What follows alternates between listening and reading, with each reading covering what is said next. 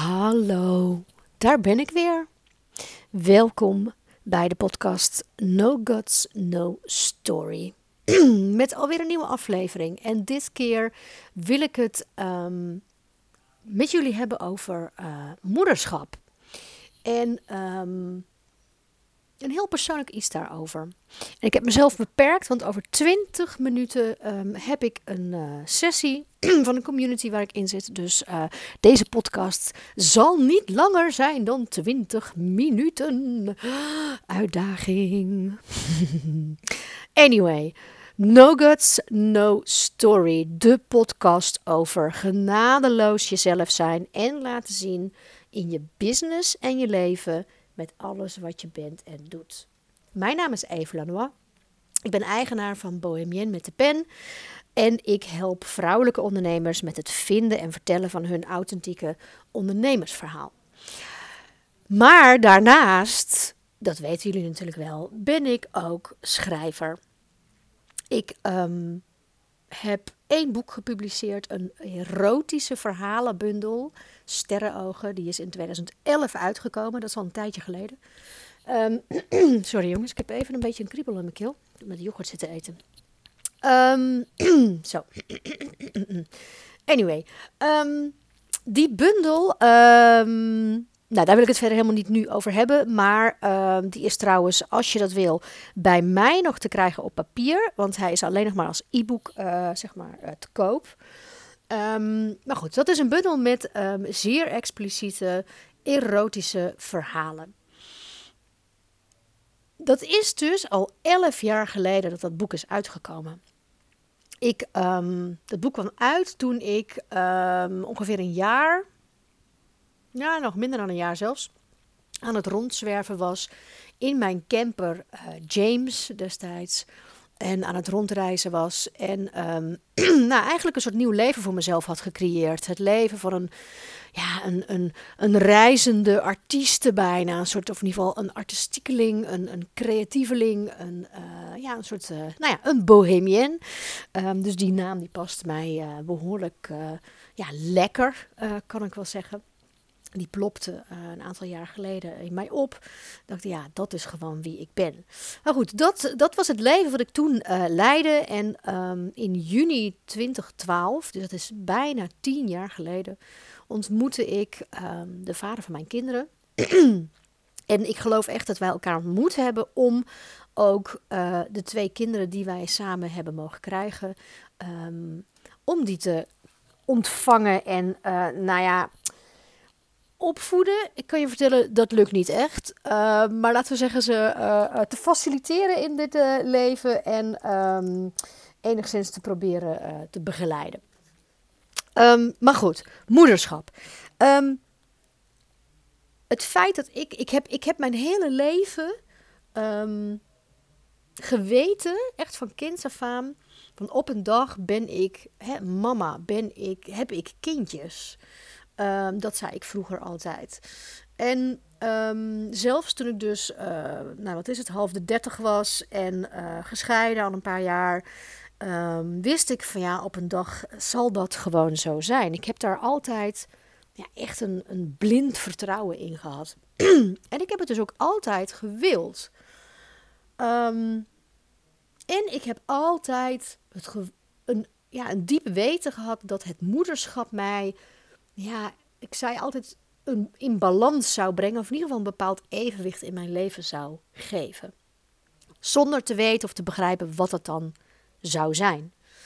En um, ik ben uiteindelijk, eh, ik ben in uh, september uh, 2013 moeder geworden van, mijn, van mijn dochter en in januari 2015 van onze zoon. Um, dus ik was, um, nou, ik heb, ik heb dus uh, de vader van mijn kinderen ontmoet in juni 2012. En een half jaar later was ik zwanger, heel bewust. Daar hebben wij heel bewust voor gekozen. En, nou, en dat is ons ook heel gemakkelijk um, ja, en, en, en vanzelf gegeven. We hebben daar dus niet zoveel moeite voor hoeven te doen. Wij bleken heel erg uh, vruchtbaar, uh, allebei. En ik denk biologisch gezien een, nou, een goede match. Um, en die eerste zwangerschap van mijn dochter heb ik heel bewust um, ja, beleefd. Als in daar hebben we dus ook heel bewust voor gekozen om die stap te nemen, om pogingen te doen, zeg maar. En ik weet ook nog exact, nou ja, wanneer uh, zij uh, verwekt is, hoe dat is gegaan. En nadat, dat, uh, nou, nadat ze verwekt was, wist ik ook, ik voelde echt aan alles in mijn lijf, the magic is happening. Het, de conceptie is gaande. En het, het mooie is dat dat geweest is, um, ja, eigenlijk de nacht, zo'n beetje, avond-nacht, um, van 14 op 15 december 2012. En dat is um, voor mij een bijzondere datum, 15 december, want het is de sterfdag van mijn vader. Dus mijn dochter is verwekt. De conceptie van mijn dochter vond plaats op de sterfdag van mijn vader. En toevallig was dat, nou ja, niet echt toevallig, maar die dag in dat jaar ben ik ook voor het eerst in 15 jaar ben ik um, op het kerkhof geweest om het graf van mijn vader uh, te bezoeken in België. Um, daar was ik 15 jaar niet geweest. En ik ben daar toen samen met um, de vader van mijn kinderen heen gegaan. En ik wist en ik voelde op dat moment, het is gaande. De celdeling, nou ja, het is in mijn lijf gaande. Er komt een kind aan. Um, dat, ik heb toen een klein gesprekje gehad met mijn vader, zeg maar, bij zijn graf en, en, en zoiets verteld. En we hebben toen um, op dat kerkhof op een grafsteen de naam gezien die mijn dochter uiteindelijk heeft gekregen, Elodie. En dat is een naam die ik eigenlijk helemaal niet zo kende. Uiteindelijk hebben wij daar een E aan het eind afgeknipt. Dat vonden we gewoon, nou ja, dat maakte het dan weer bijzonderder de naam. Eh, het gevolg is dat iedereen haar naam verkeerd schrijft met IE, terwijl het een I is. Um, maar goed, dus um, zo is dat toen gaan. Allemaal heel bewust. Um, ik had toen als freelancer ook nog een grote opdracht. Um, en um, nou ja, tegen het eind uh, van die opdracht ging ik ook met verlof. En um, zij is toen geboren. En toen was ik ineens moeder. En dat was allemaal nog heel bewust en heel. ja, hoe moet ik dat zeggen? Uh, ja, heel, heel blij ook wel. Ook al vond ik het enorm heftig en intens. Want ik ben al tijdens die zwangerschap uh, behoorlijk labiel geworden door de hormonen. en, um, maar goed, uh, ik heb mijn uh, dochter zes maanden ehm, borstvoeding gegeven. En nou ja, toen na die zes maanden dacht ik: oké, wie ben ik nu eigenlijk? Ik ben nu moeder, ik heb een dochter. Uh, waar, waar woon ik eigenlijk? Ik, want ik woonde ineens in Utrecht, een stad die ik helemaal niet kende. Uh, mijn hele netwerk, zowel zakelijk als sociaal, uh, zat eigenlijk vooral in Den Haag. En um, dus ik was heel erg bezig met: oké, wat ga ik nu doen? Hoe ga ik weer werk vinden? Want ja, ik had eigenlijk een leven voor mijzelf bedacht als schrijver. En ik dacht, ik ga gewoon schrijven en ik ga proberen op uh, in die wereld een beetje uh, naam te maken en gewoon op te bouwen. En, en nou ja, boeken. Ik had al, toen al een aantal boeken in mijn hoofd. En, um, en daarnaast ga ik dan ZZP'en, opdrachten doen via mijn netwerk om gewoon wat geld te verdienen. Alleen toen was ik natuurlijk ineens moeder. Dus toen dacht ik, ja, hoe ga ik dat allemaal doen? En eigenlijk op het moment dat ik dacht, oké, ik was twee weken gestopt met borstvoeden van haar. Zij zat toen net volgens mij twee dagen op uh, de crash. Dus ik dacht: oké, wat ga ik doen? Hoe ga ik dat aanpakken? Wie ben ik nou eigenlijk nu ik moeder ben? Echt een soort van: oké, ik ga er eens even om me heen kijken. En, en, en eens even zien hoe de wereld er nu uitziet eigenlijk. En toen, na twee weken, bam, was ik weer zwanger. En daar was ik absoluut niet klaar voor. Fysiek wel. Mijn lijf dacht: oh, dit kennen we. Hoppakee, daar gaan we weer. Geen enkel probleem. Maar mentaal en emotioneel was ik daar helemaal niet klaar voor. En ik ben toen, nou, ik ben echt onderuit gegaan. Ik ben helemaal onderuit gegaan. Het heeft mij echt ja, gevloerd gewoon. En ehm, dat heeft met heel veel dingen te maken. Maar ook omdat, ja, ik was daar dus absoluut niet klaar voor. En ik, mijn, mijn, alles in mij schoot in een soort paniekreactie. Van, oh help. Nu kan ik helemaal niets meer. Het heeft geen zin om te gaan werken, want binnenkort moet ik dan toch weer stoppen. En hoe kan dat en hoe moet dat? En ik ben echt volkomen in een paniekstand geschoten. Alleen, ehm, waar ik vandaan kom, als in mijn, mijn, mijn jeugd, mijn, wat ik allemaal heb meegemaakt, is die paniekstand bij mij is een standje, ehm, hoe zou ik het zeggen? Dat is een verborgen stand. Die hou ik verborgen voor de buitenwereld. Ik ben echt iemand die, uh, ja, heel hard, in ieder geval destijds, kon ik heel uh, hard zijn voor mezelf, heel hard doorgaan en gewoon ja, overleven, doorgaan. Maar ik ben dus eigenlijk al in die, um, in die, uh, in die tweede zwangerschap.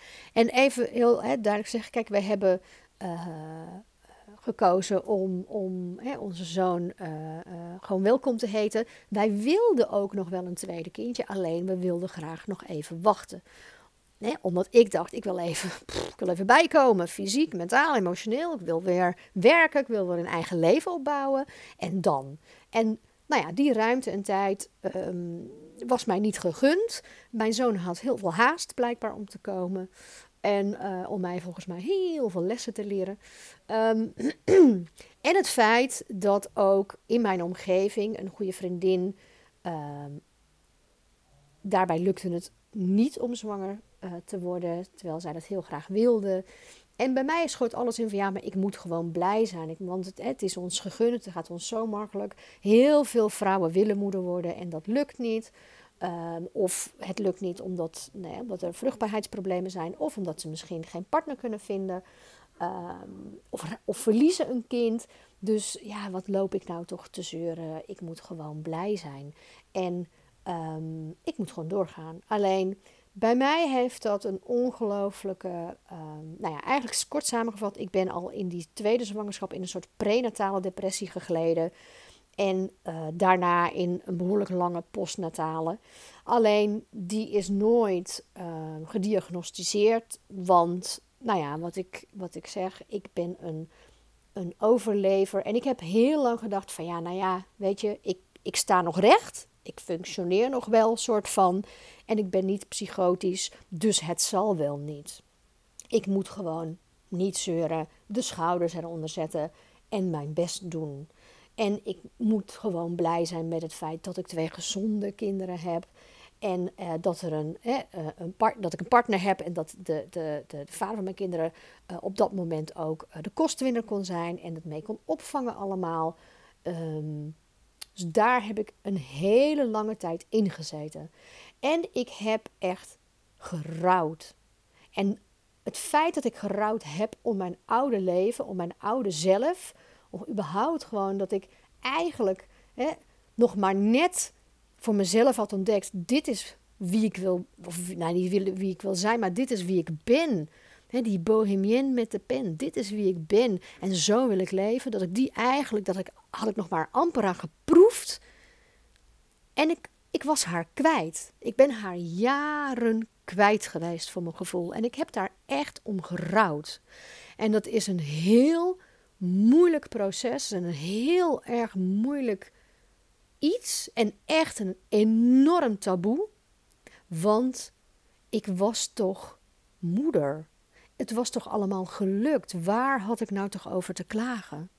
Hoezo moet ik rouwen? Je weet toch dat je leven verandert. Maar voor mij is het echt, dus ondanks dat ik altijd kinderen heb gewild, is voor mij het feit hoe mijn leven veranderd is daardoor. Ik kan daar nog steeds niet goed.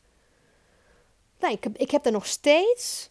Um, zoek ik naar hoe wil ik het dan? Want ik ben er nog altijd niet. Ik ben ondertussen aan het ondernemen. Ik ben ondertussen heel veel dingen voor mezelf aan het doen. Mijn kinderen zijn natuurlijk ondertussen een stukje ouder. En ik ben niet meer, ik zit niet meer in die diepe, diepe zwarte put waarin ik heb gezeten. Maar ik heb heel lang niet kunnen schrijven. Ik heb echt jaren echt een, nou ja, een writersblok gehad.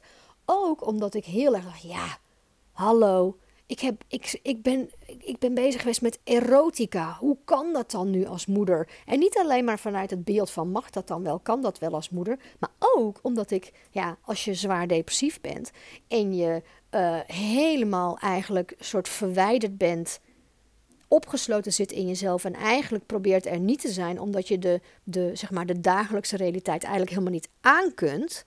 En er de hele tijd van weg probeert te komen in jezelf, in je hoofd. En dus ook niet aanwezig bent in je lijf, ja, ik bedoel, dan is het heel moeilijk erotica schrijven of überhaupt schrijven en helemaal in je gevoel gaan zitten als je, hé, ik bedoel, ik heb me echt heel erg lang ook niet sexy gevoeld, kan ik je wel vertellen.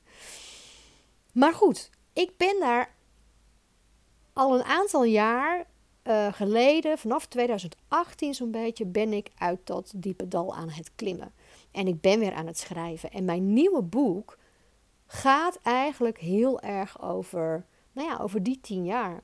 En over het contrast tussen het leven dat ik eigenlijk voor mezelf had gevonden, waarin ik ultiem gelukkig was.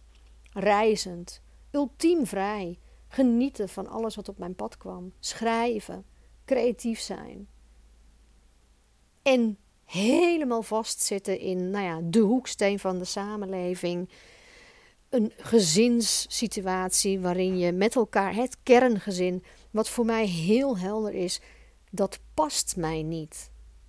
En het is heel moeilijk om daar als moeder, ook echt in Nederland, om daar je aan te ja, ontworstelen. Het is een lange weg. En ik ben daar nog niet helemaal. Maar het feit dat ik daar nu mezelf over uitspreek en dat als ik mezelf daarover uitspreek, dat ik daar zoveel mooie reacties van vrouwen, moeders op krijg, die zich daarin herkennen. En soms zijn het dus vrouwen die nog geen moeder zijn, hè, maar bijvoorbeeld heel erg worstelen met de vraag of ze moeder willen worden en moeder willen zijn vanwege dit, dit aspect en dit taboe. Vanwege de angst om zo ontzettend hun eigen leven en identiteit te gaan verliezen daardoor. Want het is wel, het verandert je onherroepelijk. Het verandert je als mens, het verandert je leven totaal. En. Zo, er komt een helikopter overvliegen.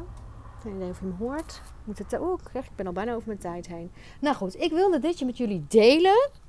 Omdat, um, nou ja, uh, gisteren, um, het is vandaag, wat is het vandaag? 10 mei. Gisteren was het 9 mei, nou, de dag na moederdag.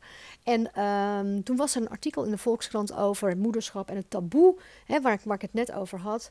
En dus niet zozeer het taboe van moeders die per se spijt hebben. Want dat kan ik echt zeggen. Ik heb niet zozeer spijt van hè, mijn moederschap. En ik hou, ik zeg steeds, hè, tegen, ik zeg eigenlijk altijd, ik hou gruwelijk veel van mijn kinderen.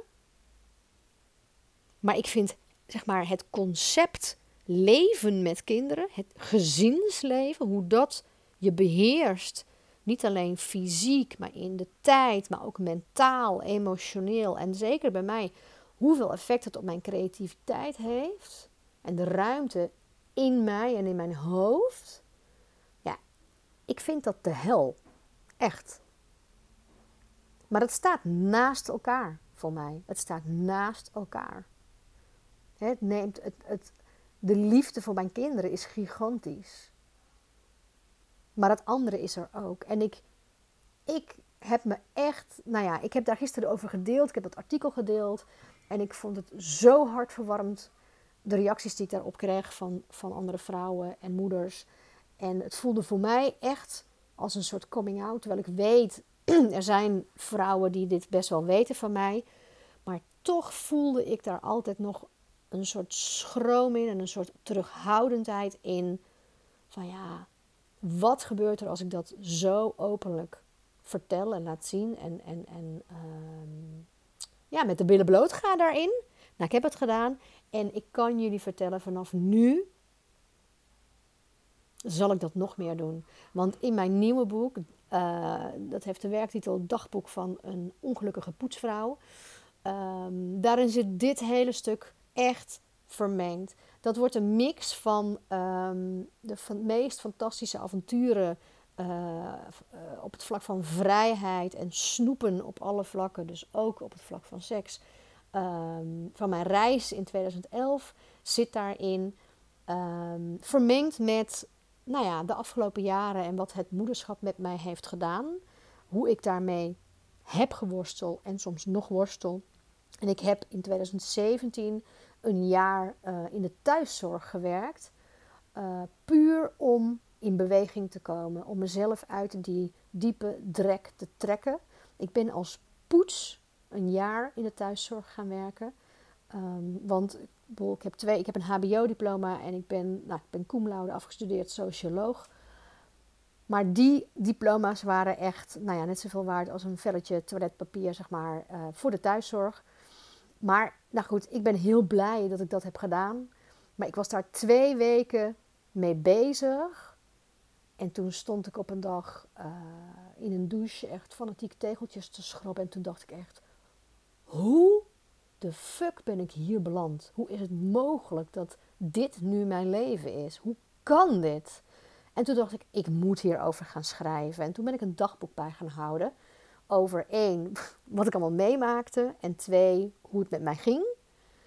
Um, nou, en al die dingen bij elkaar. Dat is het boek wat ik nu aan het schrijven ben. Dat voelt als een soort coming out bijna. Een coming out als. Um, ja, hoe zullen we dat eens noemen? want dat artikel wat ik gisteren deelde, dat gaat heel erg over het taboe van als je dus niet eigenlijk continu moeder wil zijn en er altijd voor je kinderen wil zijn, dat je dan in het, het, maatschappelijke beeld ben je dan een ontaarde moeder. Ik wil daar iets tegenover zetten. Ik wil daar een andere term tegenover zetten. Wat zou nou een goede term zijn? Um, de vrije moeder? De bevrijde moeder. Of gewoon de, de individuele moeder. Ik weet het niet. Ik ga er dus heel erg over nadenken. Um, misschien moet het hele woord moeder er wel uit. Want kijk, ik wil niet gedefinieerd worden als alleen maar moeder. Ik kan me nog heel goed herinneren, bijvoorbeeld, in de, in, in de tijd dat ik zo diep in de put zat, fietste ik over straat op mijn mama fiets met voor en achter een zitje.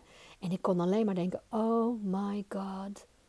Al die automobilisten, al die fietsers, al die voet, iedereen hier op straat ziet mij nu als een moeder. En niet meer dan dat. Ik vond dat zo verpletterend zwaar. Gelukkig heb ik dat gevoel helemaal niet meer nu. Maar daar heb ik echt lang last van gehad. En ja, het lastige is, ik kon er eigenlijk bij weinig mensen bij terecht. Want ja, vaders denken er anders over, voeden er andere dingen bij. Um, goed, ik heb gelukkig in de loop van de tijd mensen gevonden met wie ik daar wel over kon spreken, gelukkig. En ik heb mijn eigen weg daarin gevonden. Um, ja, ik weet niet, misschien de vrije moeder. Nee, ik wil gewoon niet als moeder gedefinieerd worden. Dat is het eigenlijk. Ik ben gewoon een vrije vrouw. Ja, dat is het eigenlijk. Goed, ik had eigenlijk gedacht om nog um, heel kort iets te lezen. Maar ik zie dat ik alweer uh, behoorlijk over mijn tijd heen ben gegaan. De sessie waar ik heen, uh, heen uh, moet, ben ik dus alweer te laat. En toch zou ik eigenlijk een klein stukje willen voorlezen. Even kijken, ik ga toch een heel klein stukje voorlezen uit de, nou ja, uh, uh, ruwe teksten nog. Je staart naar het roze kruisje op de zwangerschapstest. Positief, zoals verwacht en gevoeld sinds die ene avond van het zaadverraad. Het kleine nestje dat in je groeit, neemt je elke dag meer en meer in bezit. Je man is verheugd. Ik moet blij zijn, klinkt het in jouw hoofd. Ergens daar in dat hoofd weet je dat je heus blij bent. Je kunt het alleen niet voelen. Niet echt. De verhoudingen zijn 10% blij en 90% in paniek. Of misschien 10% blij, 40% vastberaden om zo min mogelijk te voelen en 150% in paniek. In elk geval weet je dat je de buitenwereld moet laten zien dat alles goed gaat met jou en de baby. En dat je blij bent. Toevallig een kunstje dat je van kind af aan uitmuntend beheerst. Met negen weken zwanger valt er al niets meer te verbergen. Broeken passen niet meer. Je lijf heeft geen moeite met aanpassen. Het is een mini-stap van postnataal naar prenataal. Dat belooft voor deze ronde. Je was de eerste keer al een waggelende walrus op twee stokjes. Net als bij de aankondiging van jullie dochter op nieuwjaarsdag, iets meer dan een jaar geleden, doen jullie ook nu samen een rondje grootouders om het heugelijke nieuws te delen. Ze krijgen een kaartje in de handen gedrukt van dochterlief met daarop een cryptische tekst die de blijde boodschap verkondigt. Ongeloof, tranen en felicitaties volgen. Jij neemt ze uiteraard blij in ontvangst en vertelt de gekuiste versie van jouw vergissing. Hahaha. En hoe jullie graag een half jaar hadden gewacht, maar nu natuurlijk erg blij zijn met de komst van nog een kindje. Een prachtig verhaal dat jij jezelf de komende maanden nog dikwijls vertelt en dat steeds abstracter klinkt. Ja, je bent zwanger, maar straks een tweede kind? Daar denk je liever niet aan. En acuut voel je je schuldig ten opzichte van dat groeiende kleintje in je buik. Nee, nee, nee, dat mag niet. Dat is niet oké. Ik moet, nee, ik ben blij. Dit mantra vouwt zich als een sluier om je heen en verdikt tot een gevoerde bontjas wanneer een van je vriendinnen vertelt dat haar laatste IUI-poging om zwanger te worden niet is gelukt. Vooraf besloot ze geen IVF-traject te starten vanwege de enorme fysieke en psychologische belasting daarvan. Deze weg was al loodzwaar voor haar en haar man. Jij doet je uiterste best om er voor haar te zijn, met een luisterend oor en een arm om haar heen. Maar vooral door zo min mogelijk te praten over hoe het werkelijk met jou gaat. Je vriendin kent jouw worstelingen met het moederschap, maar de echte diepte daarvan wil je haar niet tonen. Je weet niet eens of je zelf alles wat je voelt en denkt hardop durft te zeggen. Dus ga je haar absoluut niet vertellen over jouw paniek over deze onverwachte zwangerschap. Je wil haar niet kwetsen door ondankbaar te klagen als zij definitief nooit moeder zal zijn. Hoe kun jij nu niet blij zijn met het nieuwe mensje in jouw buik? Je moet niet zo zeuren. Je moet niet zo bang zijn. Gewoon al die paniek heel diep wegstoppen. Ergens in de donkere krochten van je hoofd achter slot en grendel. En herhaal: Ik ben blij. Ik ben blij. Iedereen is blij voor mij. Lieve jij, dankjewel voor het luisteren naar alweer een podcast. Ik hoop uh, dat je er wat aan hebt. En ik, ik, ik ben heel benieuwd. Laat me, ik, nou, laat me wat weten. Geef een reactie um, over wat je hiervan vindt. Of je, um, nou ja, of je herkenning in voelt. Of totaal niet. Of nou ja, wat dan ook. Laat het me weten. Um, mocht je meer willen weten over mij en mijn bedrijf, check dan bohemienmetdepen.nl. Wil je meer zien van uh, de dingen die ik schrijf, dan kun je op evelanois.eu kijken of petje.af slash Evelanois. Daar kun je ook een abonnement nemen op mijn schrijfsels. En uh, zoals ik zei, als je wat uh, wil laten weten, kun je me ook gewoon mailen um, op uh, info Ik moet nu heel gauw afronden. Ik wens je een hele fijne dag, avond, nacht, ochtend, wat het ook is voor jou op dit moment. En tot de volgende. Bye bye.